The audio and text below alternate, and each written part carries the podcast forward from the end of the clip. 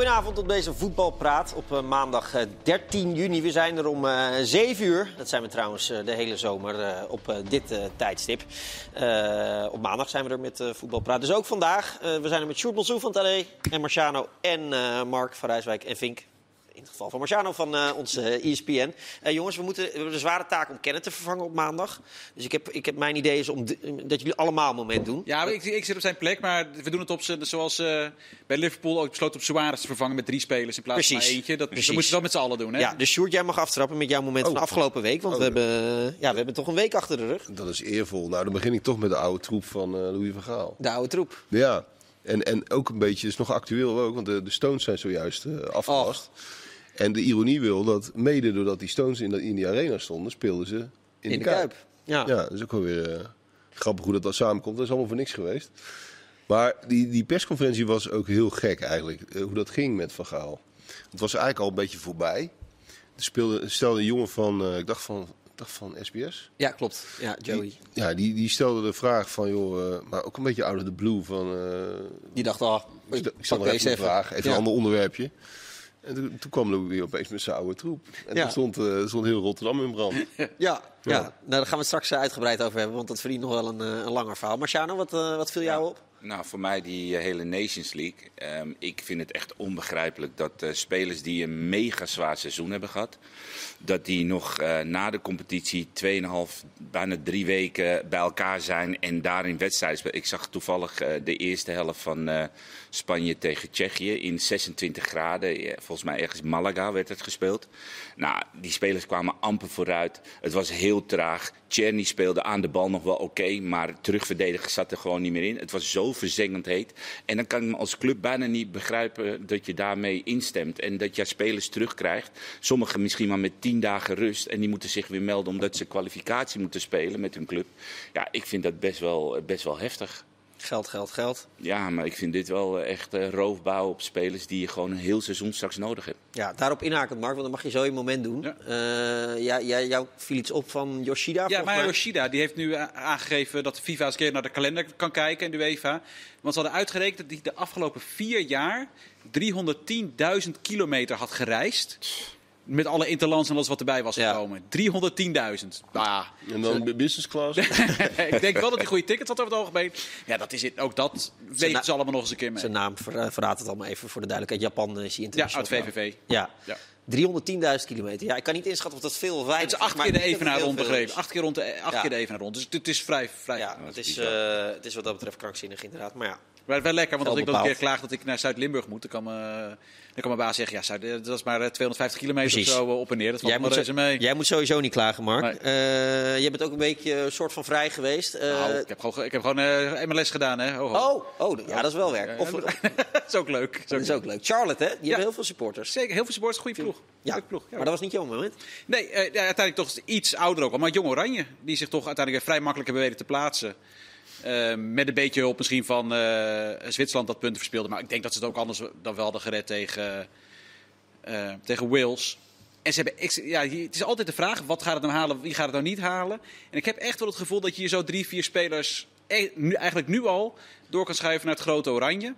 En dan heb je er ook nog eens een aantal waar je heel benieuwd bent hoe gaan zich die doorontwikkelen. Dus het is echt wel een lichting met potentie.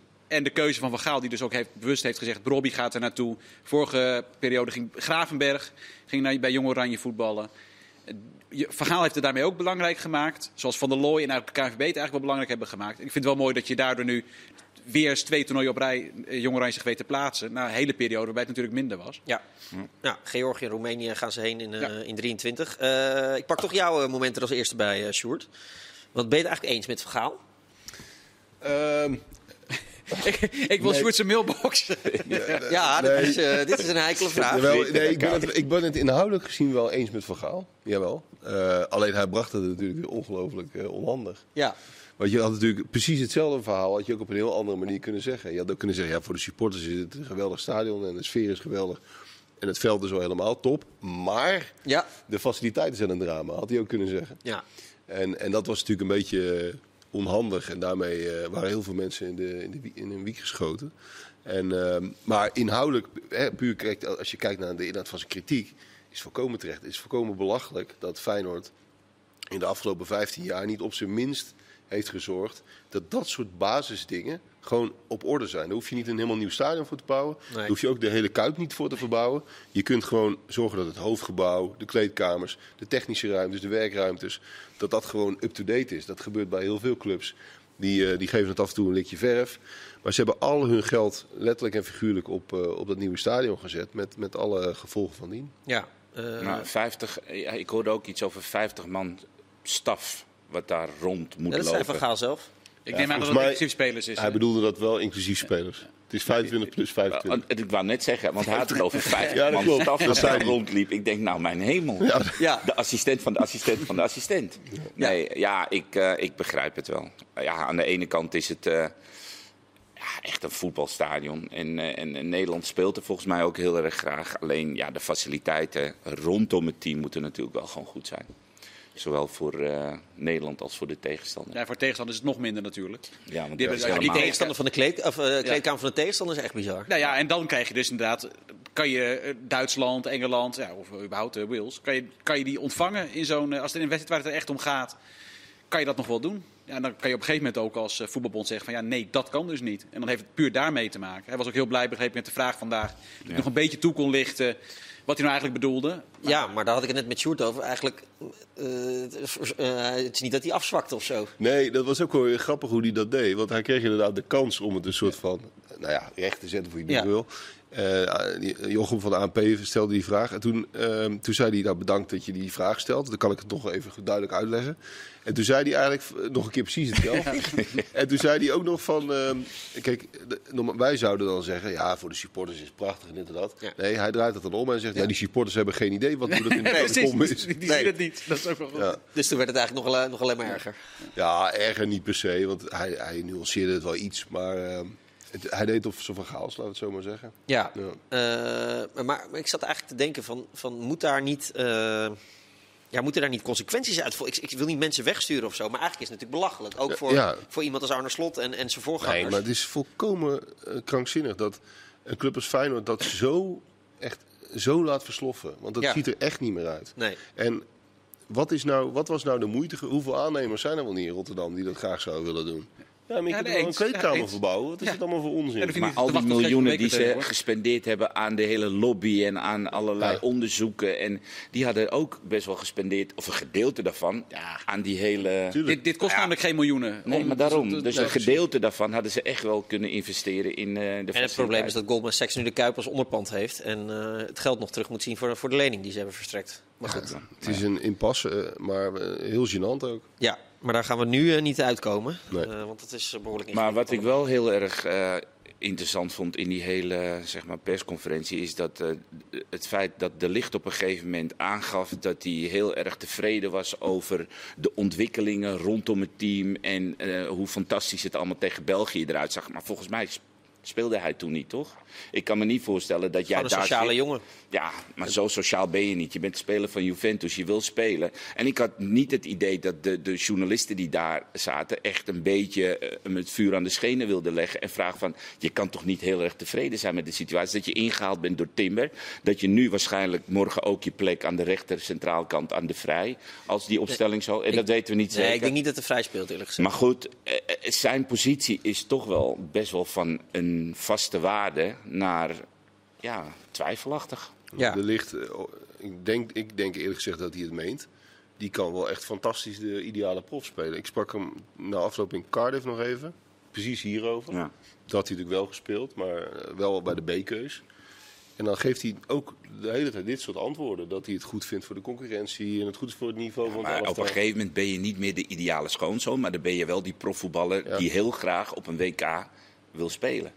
En als dan Timber, die in de Nederlandse competitie echt zijn draai heeft gevonden en ook echt ja, opties biedt aan de bondscoach.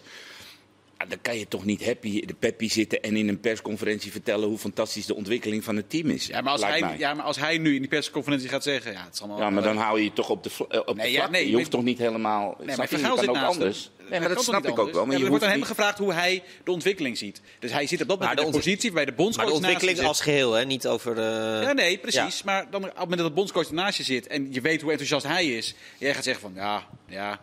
Ja, Geeft zich wel lekker tegen België, maar goed, ik vond, eh, weet, dat kan niet. Hij, zit, hij, wordt, hij wordt juist in de positie. Hij kan gebracht zelfs met een kwinkslag, met een grapje, kan hij nog zelfs aangeven, heel tussen neuslippen door, dat hij graag in de basis wil staan. En dan heb je eigenlijk ook gezegd dat je best wel begrijpt dat de ontwikkeling goed is, maar dat jij ook jezelf in die hele ontwikkeling. Dan, dan doe je het af met een, met een best wel eh, oké antwoord. Niemand zal je erover vallen, want iedereen begrijpt dat je erin wil staan. Maar dit wat leek wel happy de maar hoe het allemaal de ontwikkeling rond net- het team was. Eh, twee minuten daarvoor had Van Gaal gezegd, "Ja, eh, Matthijs is mijn aanvoerder. En, Heel belangrijk. Heel belangrijk. Ja.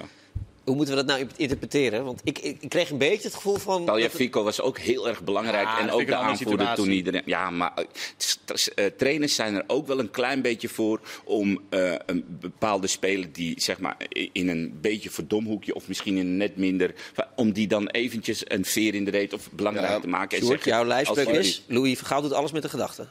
nou, mijn lijfspreuk. Nee, maar goed. Maar dat, dat heb je wel eens gezegd. Ik heb Zo een gaat hij lijfspreuk. Nee, dat weet ik. Maar ehm, nee, natuurlijk doet hij het met een gedachte. Maar kijk, het is natuurlijk ook wel zo. Ik snap wat je zegt, maar je kunt er heel diep en heel lang over nadenken als speler. Maar in de situatie waar het Nederlands zelf nu zit, er is er gewoon altijd eentje de lul. Maar echt een van die grote jongens ook. Dus, Ja. dus, En Misschien wel twee. Ja. en misschien Ja. zelfs wel twee. Dus, dus ik denk, zeker een jongen als De Licht, die daar toch wel gewoon relatief rationeel in staat, dat hij zich dat ook wel realiseert. Van ja, het is of ik eruit of de vrij eruit. Ik kan nu wel allemaal stampij gaan maken. Maar het Nee, zijn maar je, hoeft, ik zeg niet dat je stampij maakt, maar het kan ook. En hij is eh, ehm, zeg maar verbaal sterk genoeg om zoiets met een kwinkslagje eh Ja. of te doen van hé, hey, Altijd gekund. toch? Maar hij zei heel nadrukkelijk, eh, ik heb een keer rechts gespeeld, ik heb een keer links gespeeld. Nou, nu mag ik een keer in het midden. Dat is Ja. voor mij de eerste keer. Dat heb ik ook bij Juventus gespeeld. Dat zei heb ik ook bij Juventus gespeeld. Daaruit interpreteerde ik dat hij de middelste van de drie verdedigers is. Ja. Lijkt me logisch. Daar was ook niet blij mee. Dat is, dat is een foutje, zei eh, Louis. Hè? Dat had hij niet mogen zeggen. Dat mocht niet. Maar aan de andere kant zei hij ook dat Vincent Jansen dat hij die alleen opstelt. En hij gaat hem opstellen, heeft hij gezegd, als hij met drie spitsen speelt. Toch, Ja, ja, dat klopt. Eh, Dus dat was Dus een ik, was een beetje... be- ik was een beetje in de war. Jij was ook een beetje... Ja, je kon het op twee manieren uitleggen. Je kon, in- daar hadden we het net nog even over voor Ja. de uitzending. Dat, kijk, tegen de Wales speelden ze eigenlijk ook met, met één diepe en twee erachter. Kun je ook zeggen, dat zijn eigenlijk ook drie spitsen. Lange en Gakpo Dus- achter en dat was Weghorst. Precies, het zou ook 3-4-3 kunnen zijn in die variant. Maar ik zou, het zou mij niet verbazen als hij de vierde wedstrijd van deze reeks... dat hij die juist gebruikt om nog een keer 4-3 te spelen. Want hij heeft altijd gezegd, ik gooi dat sowieso niet weg. Op het WK wil ik het eigenlijk allebei kunnen doen, afhankelijk van de tegenstander. Als je kijkt naar het ritme wat je nog hebt en de, en de beperkte aantal oefenwedstrijden... je krijgt er nog eentje tegen België in eh, september volgens mij. Ja. En, en dan heb je volgens mij geen tijd meer om te oefenen. Dus dan, Nee. als je dan 4-3 nog een keer wil doen, dan zal het denk ik eh morgenavond moeten. Ja. Zou dat logisch zijn, eh, Mark? Want Ja. eh, op de vraag van Maarten Wijfs ging eh, hij ging, Ja. dat is een goede eh, vraag of zo, zoiets zei hij. Nee, dat- dat- daar is hij ook heel goed in. Hij geeft heel veel complimenten ook aan de pers. Geeft aan iedereen complimenten. Aan iedereen, ja. Ja, ik, het meest opmerkelijk vond ik eh, tussendoor even het compliment aan eh Vlekken. Nee, Vlekken. Toen- Toen die, die, die gewoon zegt, ja, het was eigenlijk mijn fout. Waar dat heb ik nog nooit meegemaakt. Dat er iemand zo zelfkritisch is. Toen dacht ik, nou ja, ik weet het niet hoor. Maar dat, volgens mij zijn er best veel voetballers die op het moment dat ze een foutje maken zeggen van... eh, maar goed. Dus ik vond, ik, over het algemeen vind ik hem extreem positief werkelijk naar iedereen toe. Alleen Timber en Thees hebben volgens mij een beetje onderuit de zak gekregen. Nou, Timber kreeg wel een behoorlijke veeg Ja. uit de pan eh, zaterdag. Het was een beetje, het ging eigenlijk een beetje in tegen de.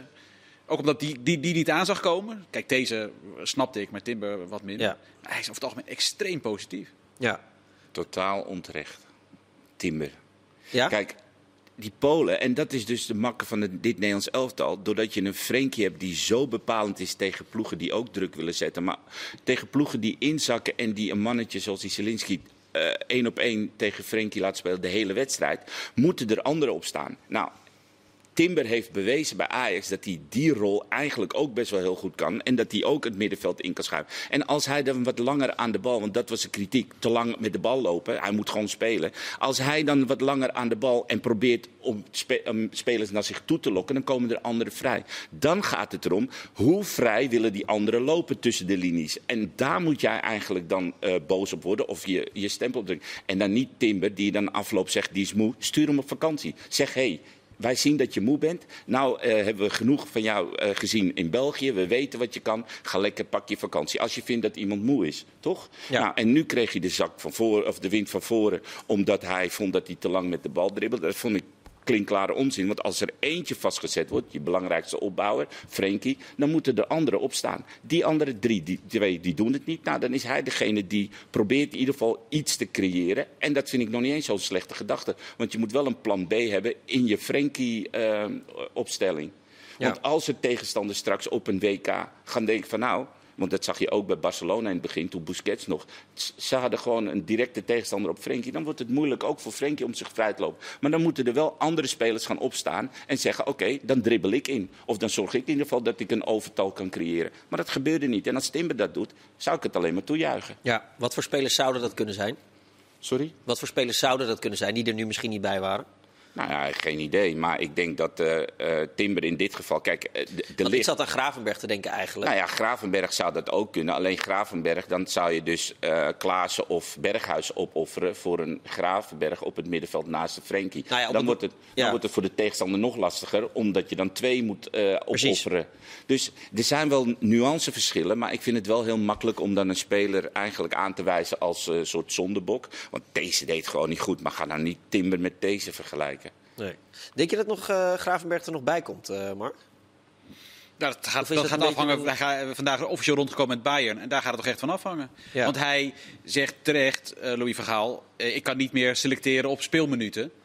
Maar in het geval van Gravenberg gaat het daar natuurlijk wel om. Want die, dat is niet, kijk, in het geval van Wijnaldum en Van Dijk daarvan weet hij wat hij eraan heeft. Maar bij Gravenberg is dat natuurlijk nog niet zo. Dus die zal minuten moeten gaan maken om, om in aanmerking te komen. Gravenberg kan je thuis laten, ook als, uh, hè, als hij niet speelt. Er zijn spelers waarbij Van Gaal echt die keut Memphis, die moet hij altijd meenemen. Ook, als, ook al gaat hij alleen maar op de bank zitten bij Barcelona straks.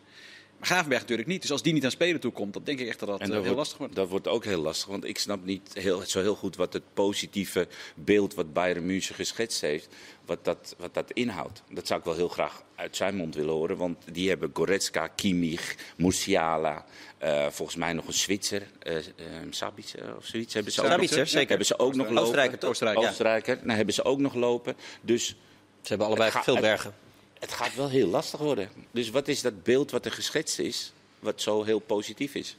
Veel wedstrijden. Ja, af, en toe, uh, af en toe. Hij zal niet uh, alle wedstrijden in de basis uh, gaan staan, inderdaad. Nee, die, nee, die kans nee. is klein. Ja. overigens, Sjoerd, wat betreft de licht. die was wel heel veer dat hij aanvoerder was. En, en gaf ook nog. Ja, ik vond het mooi dat hij zei van ja, acht jaar geleden. Toen stond ik op het museumplein en toen. 14 jaar. 14 jaar en toen. nou, Kun je het toch niet voorstellen? Nee. 14 jaar. Maar ik, ik dacht echt van jemig man die gast is 22 en het acht jaar, ja, ik, ik, ik had even een reality check. Dat, ik voel mezelf dan ineens ja, heel oud. Jij hebt het gevoel dat hij al tien jaar in Nederland ja, speelt. maar ook hoe hij praat. En, uh, het ja. is echt een... Uh... Maar dat was natuurlijk ook al toen hij net doorbrak. Toen ja. dacht je ook, wat, wat hebben we hier nou voor onze neus staan? Ja. Ja, ja. dat is een soort uh, minister van Buitenlandse Zaken. Ja, hij, was, hij, heeft paar, hij, heeft een paar potjes bij Jong Ajax meegedaan. Dan ging ik nog wel eens naar Jong Ajax toe. Dat was heel simpel hoor, als je nou op iemand wilde interviewen. Want op het algemeen zijn die jongens natuurlijk, die komen net allemaal kijken. is toch even...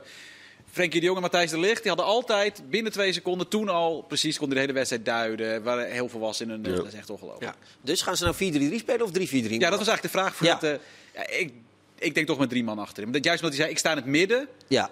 Moet het haast zijn dat hij met drie man achterop speelt. Anders, uh, ja, anders zou hij dat denk ik niet op die manier hebben gezegd. Ja. Ik denk het ook, Sjoerd. Jij denkt 4-3-3, hè? Ja, we zien het wel. We zien het wel. 4-3-3. We rekenen maar de volgende keer maar op af. Ja. Uh, Noah Lang, daar heb je, had je deze week nog een artikel mee. Uh, Van Gaal was daar heel erg uh, mee bezig gisteren op de training. Hij zegt, ja, ik kan, doe dat ook wel eens binnen met andere spelers. Dit is maar wat jullie zien. Hoe heb jij trouwens naar het interview, hoe, hoe, heb jij dat meegekregen? Van, van Louis? Nee, van Noah Lang. Oh, ja, ik... ehm, zoals Noah Lang, denk ik, zichzelf ziet. En zoals hij zichzelf voelt. En um, weet je, de ene, die de ene vindt het fantastisch en die zegt... ja, hij gaat naar een club waar dan Slatan ook uh, rondloopt. En het is een beetje Slatanesk, hè, hoe hij zichzelf uh, profileert. Alleen hij heeft natuurlijk ook... Ik, ik heb ik vergeet gewoon, ik heb die wedstrijd Club Brugge tegen Cerkelbrugge gezien. En daar misdroeg hij zich gewoon op het veld. Gewoon vanuit arrogantie, irritatie. En daar ben ik lichtelijk afgeknapt op de voetballer en de persoon. En helemaal de gebaren dat hij het gewisseld werd.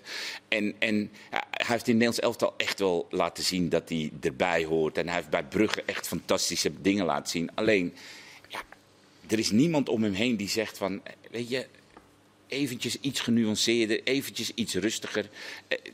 Ik, ik begrijp het niet heel, zo, zo heel goed hoe, eh, hoe dat allemaal zo kan. Want wij hebben volgens mij zijn eh, stiefvader, geloof ik, ook in de uitzending gehad. Bukari? Ja, hebben we in de uitzending gehad. En toen was er ook iets wat er speelde toen met Noah. En die vertelde ook van dat hij af en toe met hem, eh, met hem bezig is en hem ook bepaalde dingen voorhoudt. Maar het lijkt in België alleen maar erger geworden te zijn. En nu gaat hij in het Nederlands elftal la- weer laten zien. Ik denk morgen, Morgen gaat hij spelen, zeker. is. En Ja. Dat is een beetje het beeld wat ik van Noah Lang heb. Weet je? Het, is, het is een gen- begenadigde voetballer, fantastische technicus. Maar Noah Lang is er wel voor Noah Lang. Ja, dat klopt. ja, maar Ja, dat- ik dat- vind het wel leuk eerlijk Dat gezegd. is toch ook ergens inderdaad wel, wel weer grappig. Kijk, Ja, eh, we willen allemaal... Nou ja, goed, laat ik het zo zeggen. Ik, ik ben zijn vader niet of zijn stiefvader. Ik ben ook zijn trainer niet. En dan heb je een heel ander perspectief. Maar wij willen toch ook gewoon een mooi verhaal af en toe. En, en een mooie... Ja. En- als we alleen maar ja. Matthijs de Ligt zouden hebben. Dat zou heel erg saai worden. Ja, maar Ja. hij is wel echt. eh, ik, als ik een, een dochter zou hebben, zou ik liever eh, dat hij met Matthijs de Ligt was, denk ja, ik. dat denk ik ook. Maar Ja. ik vind Noah Lang... Ik vind het Of ook wel- eentje met Noah Lang en een ander met Matthijs de Ligt. Dan Ja, heb je nog een beetje precies. af van, van Nee, maar wat. Ik vind hem zeg maar wel, ehm, eh, nog even los van dat ik het een leuk verhaal vind, Noah Lang. Het, het, het is ook wel weer, wel weer knap, of ergens wel weer mooi, dat je als voetballer gewoon helemaal geen twijfels hebt. Nee. Dus dat je gewoon, dat je 20 jaar bent en dat je echt oprecht denkt van ja, ik, ik ben hier gewoon heel erg goed in. Ik ben hier zo goed in dat ik eigenlijk geen twijfels hoef te hebben over wat dan ook. Ja. Dat is toch eigenlijk ook wel heerlijk lijkt me. Ja, dat. En dat heeft hij echt, dat geloof ik echt. Dat het is geen act. nee. Nou, Louis Vergaal had het natuurlijk eigenlijk ook op de persconferentie vandaag. Er werd op gevraagd, ja, hoe, hoe doe je het? Louis ja. heeft het ook. Ja, Eigenlijk is Louis een soort Noah Lang, zou je ja, kunnen zeggen. ja. Want dat was ook wel weer schitterend, eh Marciano. Dat, dat gevraagd werd, ja, eh, ja, ja, eigenlijk wil ik niet zeggen hoe ik het doe. Want dan Ja. word ik weer als arrogant eh, weggezet. Nee, dat klopt. Om vervolgens wel te zeggen. Ja, vervolgens, vervolgens te zeggen dat hij heel erg tevreden met zichzelf is. Nou ja, weet je, we kunnen lang en breed praten. Hij doet het gewoon heel erg goed. En wat Zeker. met deze groep en hoe die, die gasten zo scherp krijgt, dat is natuurlijk fantastisch. En Louis blijft wel Louis. Ja. Dat lijken me mooie slotwoorden van deel 1. Straks meer, onder andere over de keepers in het Nederlands elftal... en de vraag waarom Sjoerd niet gezongen heeft voor Willem Vissers. Straks meer daarover. Tot zo.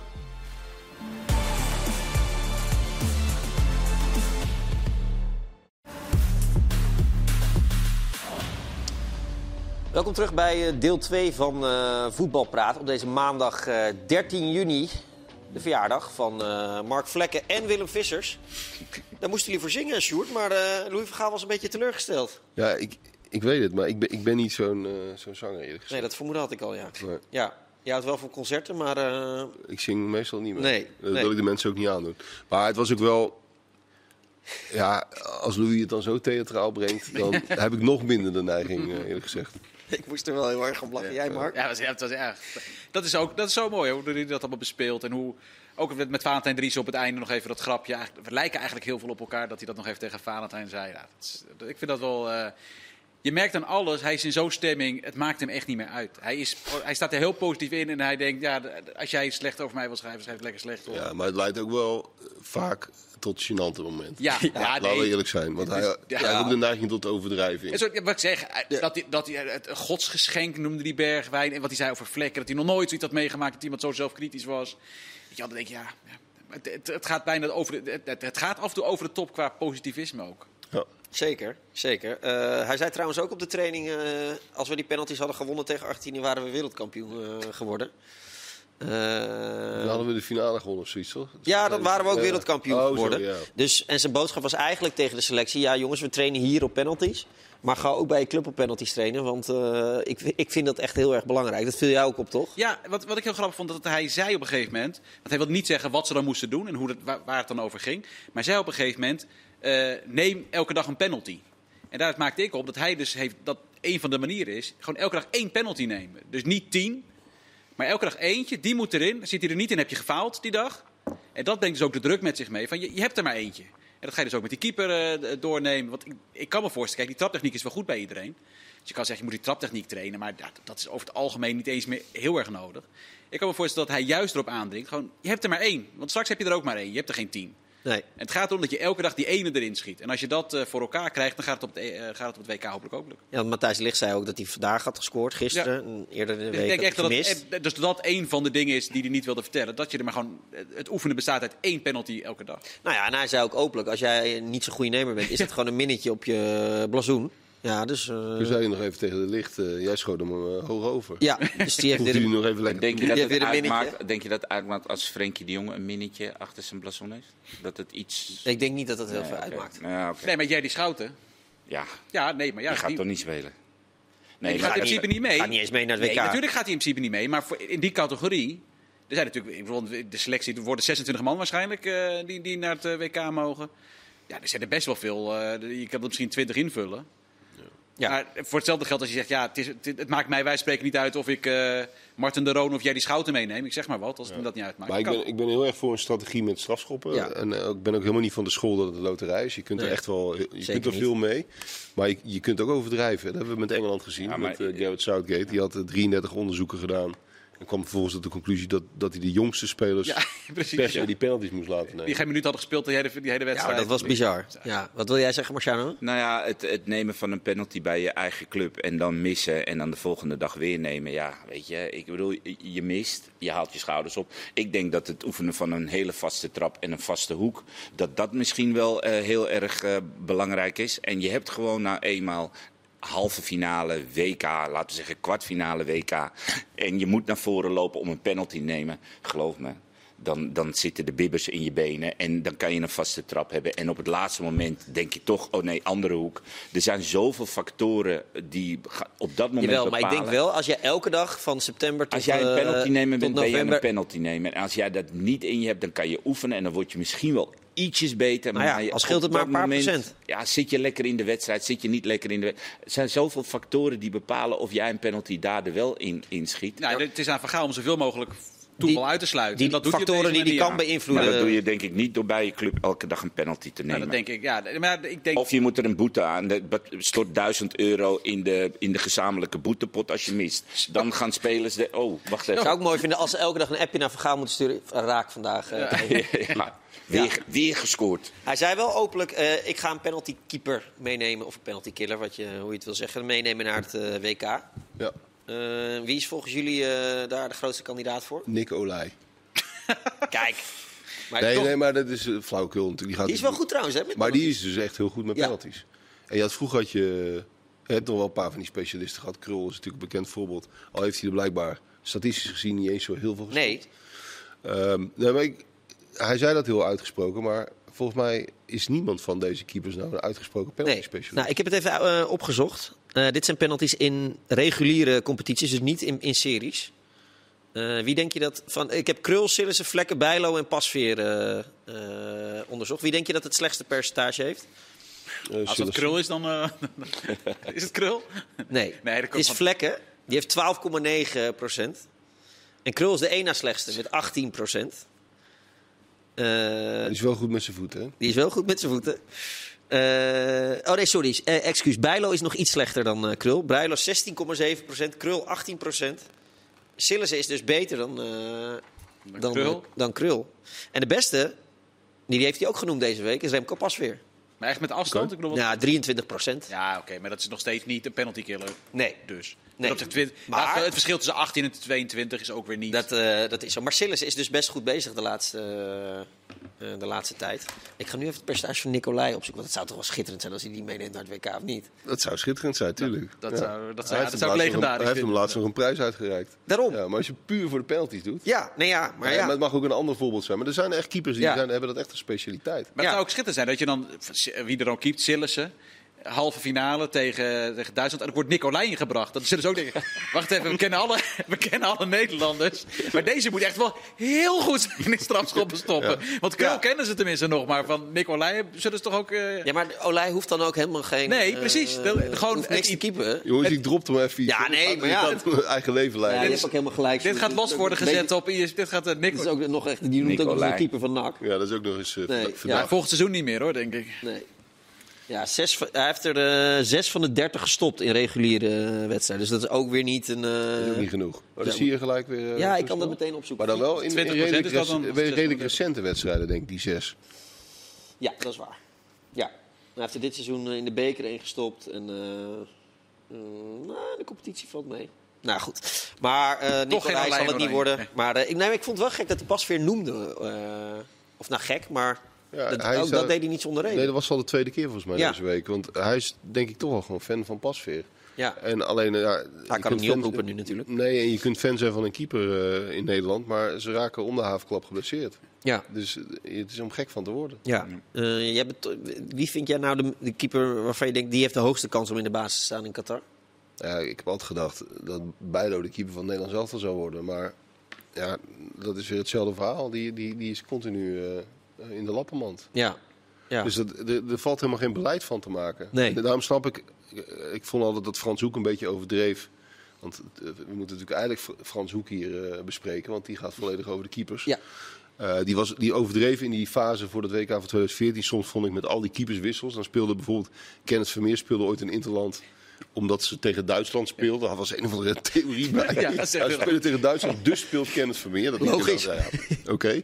Dus dat werd een beetje overdreven. Maar nu snap ik het in die zin wel. Dat je kunt helemaal nog geen, nog geen plan hebben met die Nee. keepers. Want ze spelen vijf wedstrijden en dan zijn ze geblesseerd. Eigenlijk is Vlekken de meeste, eh, die is altijd fit. De irritatie rondom Sillissen bij de blessure nu tegen de Die paal. was wel te merken. Die was echt wel te voelen. Dat Ja. vond ik echt wel een beetje schrijnend, hoe geïrriteerd hij daarover eh, over was.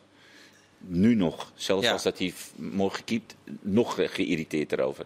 En dat, eh, dat is geen Ook, goed ook een teken. beetje sneuner Sillissen vond ik het. Maar eh, misschien ook wel eh, hard van eh, gasten. En Nou ja, hij- als je naar spelers toe kan zijn, dan moet je het ook naar je keeper zijn. Nee, tuurlijk, absoluut. En hij, en hij ziet gewoon echt één groot probleem in dit Nederlands zelf. En dat is de keepers. Daarom, het maakt hem echt uit. Ja. Hij ziet gewoon een groot probleem dat zijn twee eerste keuzes zijn, neem ik aan, Bijlo en Sillissen. Ja, en daar is altijd wat mee met die twee. Nou, als je al niet heel veel keuze hebt en je twee beste keuzes, die zijn constant geblesseerd. Ja, dus ik, daarom, daar zit die irritatie in. Hij is bezig met een plan om wereldkampioen te worden. En zijn grootste zwakke plek is die keeperspositie. Ja. Ik moet Krul trouwens nog wel verdedigen. Want die heeft een geweldig percentage in penalty-series. Die heeft, eh, even kijken, 20 strafschoppen in penalty-serie waarvan er, maar, waarvan er 9 niet ingingen. Ik durf het bijna niet te zeggen, maar Nicolai ook. Ja, goed met je. Ik denk dat het. Dat? Ja, ja, ja, volgens mij klopt het. Want in die series, daar, eh, daar gaat mijn appje niet op. Maar eh, ik denk dat, dat, toch dat het gewoon Tim Krul wordt. Nee, Nee? Ja? nee ik denk het niet. Nee? Denk Nee, dat het ja. een andere wordt? Ja, ik weet niet wie, maar ik denk niet Tim Krul.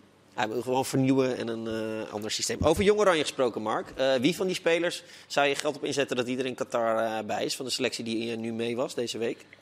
Nou, de drie grootste kandidaten vind ik eh Geertruida, eh, Brobby en Bakker. En ik vind, eh, het grappige is, als je die rechtsbackpositie ziet, daar zit dus bij dit jong Oranje, hebben ze Frimpong gehad.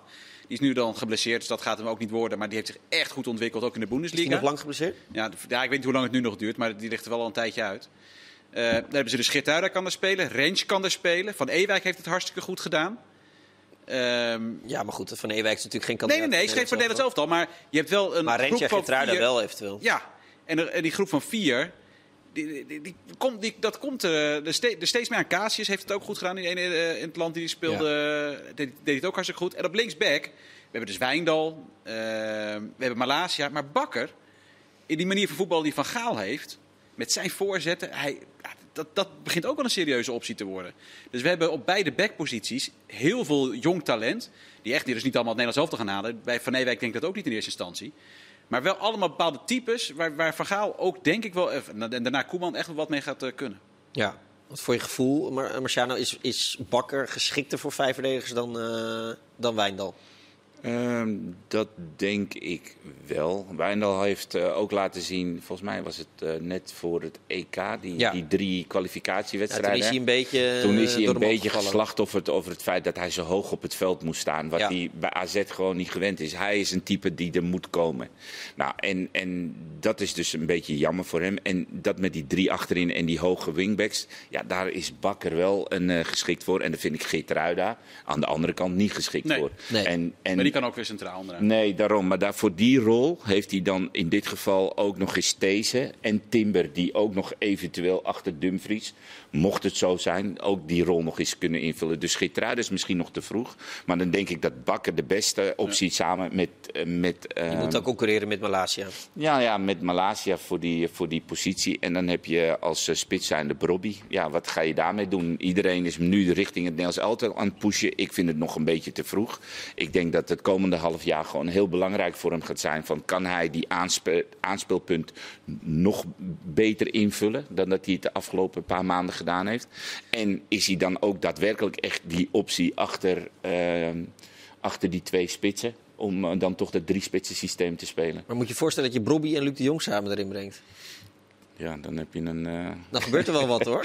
Ja, dat eh, geloof ik wel, ja. Verandert er in ieder geval iets in de wedstrijd. Ja, Ja. ja. maar twee pintjes is, is wat, eh is wat Nee, dat is te, te veel. Kijk, hij heeft nu Vincent Jansen om te kijken of hij die rol Ja. kan invullen. Maar ik denk dat als, als je een half jaar verder bent en Vincent Jansen mocht het niet goed invullen morgen, dat je dan altijd nog misschien de optie hebt. En als Bobby het gewoon echt die ontwikkeling doorzet, dat het zou kunnen. Ja. Maar weet je, ik bedoel, het is nog allemaal jong. Sep- september, eh, september weten we meer. Dan, eh, want dan eh, eigenlijk in feite is duidelijk, dan is, hebben we de WK-selectie min of meer. Ja, en, en, en daar gaat het, dat zei, gaf hij ook aan. Dus het voorwerk is gedaan. Dus de opties zijn allemaal bekeken. Er komt niet opeens nog een eh, gek konijn Nee. uit hoed waarschijnlijk. Eh, nog eentje, die, er- die gaat er niet bij komen hoor. Maar als je kijkt naar linker centrale verdedigers, waar Nederland natuurlijk niet zo ruim in zit, is Botman. Dat is natuurlijk wel iemand die... Nou, ik, waar- waarom niet? Eh, Ja, nee. In plaats van Martens Indy? Nou ja, dat, maar ja, goed, daar zit nu bij. Maar dan, ja, ja, nog steeds heb ik het gevoel, had hij er wel een keer, had hij er eigenlijk al bij moeten zitten. Omdat het heel gek is. Maar goed, als hij nu naar de Premier Nee, League want gaat... hij vond Jong Oranje heel belangrijk. Ja, nee, maar- dus, dat, dus dat blijft het lastige. Dat je toch het gevoel hebt van, ja, had je hem dan niet één keer op zijn minst willen zien? Maar het zou zomaar kunnen, types als Botman, Bakker en Brobby er in Struik september misschien... eh, September bij. En als ja. Botman gaat spelen, Premier League, Ja. ik Maar sluit de het, eh, achterste zes, dan wordt het probleem niet. Daar- Nee, dat je helemaal goed nee, maar, maar, dat is Ja. goed. maar serieus, wat ik zeg, je hebt, die, je hebt, bij dus dit Jong Oranje heb je vijf opties. Waarvan er over iedereen wel wat aan te merken valt voor de rechtsbackpositie. Maar bij alle vijf zeg je, nou, dat is gewoon een goede rechtsback. En eventueel zelfs met de potentie om door te groeien naar Oranje. Ja, links leuke, spits zou ook, wel- zou ook wel leuk zijn. Ja. Ja. ja, want, nou ja, ik moet Maar die zeggen... gaat, die gaat schiet er morgen drie in. Die is net getrouwd en eh, die heeft vleugels. Ja, die heb je nog natuurlijk. Ja, nou, ik, eh, we, we gaan het zien. Eh, Jan-Dirk van der Zee had ook niet zijn beste week, hè, Sjoerd? Nee, dat was echt een merkwaardige actie. Ja. En, en ook omdat je eigenlijk... eh, De KVB had notabene uitgesproken dat eh, de bal op dit soort terreinen veel meer bij de eredivisie en de eerste divisie zou Ja. gaan liggen. Is ook logisch, denk ik. Dat is ook een, goed- in mijn ogen een logische ontwikkeling. En dan komt opeens de KVB, am- of de directeur amateurvoetbal... komt opeens met een, met een soort proefballonnetje over nieuwe, nieuwe spelregels in de Dat is mij ook volstrekt onduidelijk waarom de directeur amateurvoetbal daar... Ja, dat is iedereen volgens mij. Dat volgens mij Ja. weet Ja, niemand nog steeds. serieus, wat hoezo? Ja. Nee, dit was, dit was eh, voor zover ik het begrepen heb, eh, puur eh, op eigen houtje. Blijkbaar kan hij het ook dan zelf online zetten, Ja. Ja, denk ik. ja, dat lijkt mij ook. Dat Of, hoeft- althans, Ze hebben niemand... genoeg persverlichters bij de KNVB, maar blijkbaar is dit er niet... eh, Nee, daar hebben ze even niet opgelet. Nee. Nee, ja. het, was, het was heel wonderlijk. En vooral ook omdat, ook als je er eh, logisch over na ging denken, het ligt helemaal niet, het ligt al niet bij de KNVB en al helemaal niet bij het amateurvoetbal. Nee. Maar stel dat, de club, dat je het met de club zou overleggen. Hè, en, en daar is een, zou het überhaupt een, een goed idee zijn om het in de keukenkampioen-divisie te doen? Of zeggen jullie van nee, eh, doe, het, Niet, eerst, niet doe het even lager? Niet alles van wat daar werd besproken. Nee, nee, nee. Nee, maar je kan, best, je kan daar best wel iets mee doen. Eh, maar om nou te meteen te beginnen met... En we gaan constant mogen wisselen en intrappen. Nee, dat en, vind- dat ja, nee, maar dus, Ik, ik, ik zou het echt eh, een belediging vinden om van, de- juist van de keukenkampioen-divisie zoals die nu is, waar gewoon tien heel fatsoenlijke, goede Ja. clubs in zitten qua achterland en achterban, Zeker. professionaliteit. nu krijg je hele boze... Hij, je zegt niet welke tien niet, dus dat is op zich... Dat, dat scheelt Ja, dat mag iedereen Dat- zelf dat- dat dat snapt iedereen wel. Daar zitten gewoon tien Ja, nee, eredivisieclubs Nee, in. helemaal met je eens. helemaal met je eens. En, en als je daar een soort proeftuin van gaat maken, zou ik dat echt heel... Nee, heel dan kan je beter in de tweede divisie Dat doe je eigenlijk al met die belofte teams, vind Ja. ik. En dan doe je Ja. dat nu in het kwadraat. Ja. Het zou ook heel raar zijn dat als de KVB-beker dan gespeeld wordt, dat je, de- wat, wat Hans ook aangaf, dat je dan wedstrijden hebt waarbij een club in één keer de hele competitie met indribbelen en weet Ja. ik veel wat voor regels allemaal, in één keer tegen een eredivisie Nee, dat is heel terecht. Dat gaat vindt. toch helemaal gaat niet? inderdaad niet. Gaat niet nee, oké, duidelijk. Eh, wat wel gaat gebeuren is dat vijf wissels permanent wordt ingevoerd. Eh, Mark, jij bent tegen volgens mij, hè? Ja, omdat dit ik, denk ik alleen maar nog meer leidt tot eh, eh, heel veel spelers bij de grote clubs. Omdat die nog makkelijker tegen spelers kunnen zeggen van nou weet je wat, ik heb speelminuten voor je. Want je hebt gewoon extra speelminuten te verdelen. Ja. Je, kan, je kan 16 spelers eh, per wedstrijd eh, minuten laten maken. Ja, en uiteindelijk, je ziet wat er nu al gebeurt in de Premier League, wat daar allemaal naartoe gaat. En ze kunnen nog meer eh, aantrekken, want ze kunnen nog meer mensen eh, bij elke wedstrijd speeltijd geven. Ja, Ja, Guardiola is in zijn nopjes hiermee. Ja. Die, de, de pep roulette kan weer Ja, eh, want, vrolijk want je doorgaan. begint inderdaad gewoon op de bank. Je zet gewoon vijf basisspelers op de bank. Want je kan ze toch alle vijf erin brengen. Ja. Het valt me tot nu toe een beetje tegen hoe weinig relatief trainers daar op een, op een originele, creatieve manier gebruik van maken. Ja, dat valt mij dus ook tegen. Eigenlijk is de manier van wisselen bijna hetzelfde gebleven Ja. als bij drie. Terwijl je volgens mij veel meer mogelijkheden hebt. Ja, Je kunt echt af en toe iets geks doen. ja je Co ook- Adriaanse, gewoon Co Adriaanse, die deed Ja. natuurlijk bij Willem II deed het nog wel eens dat hij begon met zijn verdediger in de spits. Ja, je kan Tien ook minuten gek lang te beginnen, ja. kijken wat, eh, wat er gebeurde. Die had, die, had, die had hier wel wat mee gedaan. En dit Ja. soort varianten, dat, dat is nog weinig eh, gebeurd. Nee, eh, bijna niet eigenlijk. Nee, want waarom Nee. zou je niet, eh, als je vijf keer kunt wisselen, kun je ook met een pinch hitter beginnen. Ja, Bijvoorbeeld. ja, Ik heb het nog niet gezien. nee. Maar het enige voordeel is dat je dan eh, wel met die vijf wissels. Ik ben ook niet een, een hele erge voorstander voor vijf wissels. Maar dat je wel iets meer de jeugd een kans kan geven. Want op het moment dat, dat je naar drie wissels teruggaat. dan weten wij ook allemaal wel. Een selectie bestaat uit 14, 15 gelijkwaardige spelers. En de rest is allemaal eh, opvulling. En die komen als eerst aan bod. En dan is er voor die 18-jarige of 19-jarige die in jong. eh, in een jong team furoren maakt of het heel goed doet, is er dan net even iets minder tijd om, om in te brengen. Dus aan de ene kant ben ik het heel erg met jou eens. En aan de andere kant denk ik, het biedt ook wel weer mogelijkheden voor eh, jong spelers om toch die minuten te maken Ja. in de Eredivisie. Heb je, ben, ben, je, ben ik wel met je eens. Alleen, ik vind ook nog steeds dat door die jongteams, zeker die, de, de jongteams van de topteams nu, wordt er helemaal niemand bij- bijna meer verhuurd. En op het moment dat je dus die, die wissels hebt, dan kan je inderdaad eens een keer... Dat had Kenneth Taylor, die, had, die heeft het goed, geweldig gedaan in de slotfase van het seizoen. Dan zullen ze blij zijn geweest bij Ajax. Die had eigenlijk gewoon het hele seizoen bij Heracles of Groningen of zo moeten spelen. Het vergroot eigenlijk gewoon de ongelijkheid in het voetbal die al behoorlijk eh, Nou ja, groot wat, is. maar dat is ook voor die speler was, is dat, was het niet slecht geweest. Ik bedoel, het is dat Taylor nu de laatste zeven wedstrijden er opeens was. Maar eigenlijk, tot op dat moment was het een verloren seizoen geweest voor Taylor. Die speelt en weinig bij Jong en weinig bij het eerste. Eh, en tot aan die belofte competities en tot aan die vijf wissels was weet je, werd de club iets sneller gedwongen om te zeggen... nou weet Ja. je wat, ga maar lekker een halfjaartje Ja. of een jaartje Maar is in, het, eh, is het dan ook niet weer aan de andere kant evenredig weer ehm, dat je zegt, ehm, het biedt wel weer mogelijkheden aan spelers die dan op de bank hadden gezeten. Zoals bijvoorbeeld nu een Duarte bij, bij Groningen een fantastisch seizoen eh, heeft gehad. Stel dat Kenneth Taylor die kant op was gaan. Met, Ja, nee. Snap je? Dus het geeft ook weer anderen de, de mogelijkheid om Ja, maar ik vind per saldo zouden... Ik denk dat het goed zou zijn voor het niveau van de spelers, en maar ook van de Eredivisie in het algemeen, als topclubs eh, die de belofte competitie hebben in de keukenkampioen-divisie toch wat sneller zouden verhuren. Ja. Ja. En dat, eh, daardoor eh, kunnen Liverpool en City weer even twee spitsen voor 7, 75 en 100 miljoen eh, halen. Ja. Maar het wordt toch niet meer leuk, Sjoerd? Alles gaat naar de Premier League, ongeveer. Bijna Ja. alles. Nou ja, dat is al heel lang aan de hand. Ja, En maar dan heb je nog de, de nieuwe Het wordt Champions League. extremer en extremer natuurlijk. Ja, maar dan heb je ook nog de nieuwe Champions League regels die er eigenlijk ook weer aan bij gaan dragen. Ja. Dat zeg maar wat de top is, altijd de top zal blijven. Dus er wordt eigenlijk een soort variant op een Super League wordt er langzaam gecreëerd. Ja, dat is, eh, dat is een probleem, maar het is bijna niet te doorbreken, vrees ik. Nee. Maar ja, zolang de hele wereld eh, eh, graag de Premier League wil zien en die tv-gelden, eh 180 miljoen geloof ik per club, elk jaar eh, toebedeeld krijgen, dan, Ja, maar dat was het bizarre. Dat wij, wij hebben hier ook de Premier League gehad. En dan keken er meer naar, eh, naar NAC eh, Heerenveen dan naar eh, eh, Ja, United maar in Everton. Azië, dan kijken ze Nee, dat allemaal klopt, dat weet Premier. League. Ja. Ga maar naar Indonesië, daar, daar, daar zijn de shirtjes van Liverpool niet, niet aan te slepen. Dus de, wereldwijd gezien, kijk, wij hebben natuurlijk onze nostalgie en Hm. kijken liever naar NAC tegen, tegen Emmen. Maar ehm, in, in, in, Sommigen. weer, ja, sommige, maar wereldwijd gezien is natuurlijk Liverpool tegen Tottenham is, is, een, is een topwedstrijd. Ja.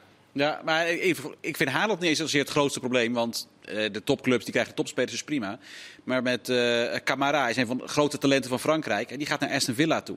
Ja. Dus dat is gewoon het grootste probleem. Dat is gewoon echt een ongelooflijk goede voetbal. Die gaat van de top naar Frankrijk naar de middenmoot in Engeland. Ja. En, dat is, en dat is een veel groter probleem, vind ik. Dat Aston Villa kan ook de beste spelers halen en die salarissen bieden die geen enkele club eh, op het continent eh, eigenlijk zo'n beetje kan betalen. behalve maar- Paris Saint-Germain. Kijk, maar tv-geld is nog één ding, maar het systeem van omgekeerde solidariteit in de Champions League is eigenlijk nog een verschrikkelijk. groter probleem. Ja. En ook in Nederland kan En de het zo Eredivisie ook, ja. Ja, want want het, is, het blijft. eh, je, je kunt nu een situatie krijgen waarin bij wijze van spreken, weet ik veel wat, eh, Feyenoord of AZ een keer kampioen worden. Ja. Die halen dan Champions League. Dan zou het in de toekomst zou het nog zo kunnen zijn dat als, als Ajax dat seizoen een dramatisch seizoen heeft, alsnog de Champions League ingaat en nog meer geld krijgt dan eh, in dit geval AZ en Feyenoord.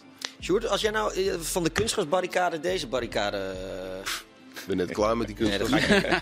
Geen barricades nu. Deze brug is te ver voor jou, eh, denk ik. Je macht reikt ver, maar eh, dit wordt lastig. Dankjewel, eh Sjoerd. Dankjewel, Marciano. Dankjewel, eh Mark. Ik bedank ook u voor het kijken. Volgende week zijn we er weer met eh, Voetbalpraat. Maar eh, u bent- zit helemaal gebak op ESPN. NBA Finals vannacht. Doeg!